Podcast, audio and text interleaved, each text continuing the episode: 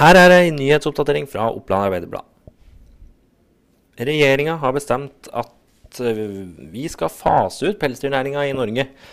Forslaget der kom allerede i 2018, men denne uka kom det et forslag til kompensasjon for de bøndene det gjelder.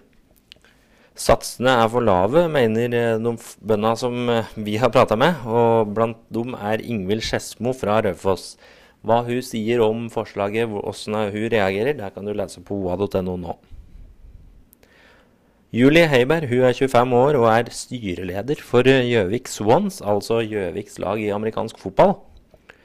Hun er rett og slett sjefen for eh, noen av byens aller tøffeste gutter, og hun sier til oss at de fortjener et godt støtteapparat når de gjør sitt beste.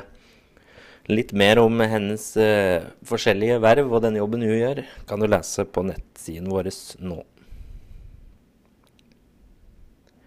Vi har eh, tidligere i dag fortalt om Eidsiva-avgjørelsen fra politikerne i Gjøvik. Eh, I samme møte, altså møtet som var i går kveld, ble det også vedtatt at eh, man skal rive bygget i Skolegata 8 i Gjøvik for å bygge nye leiligheter.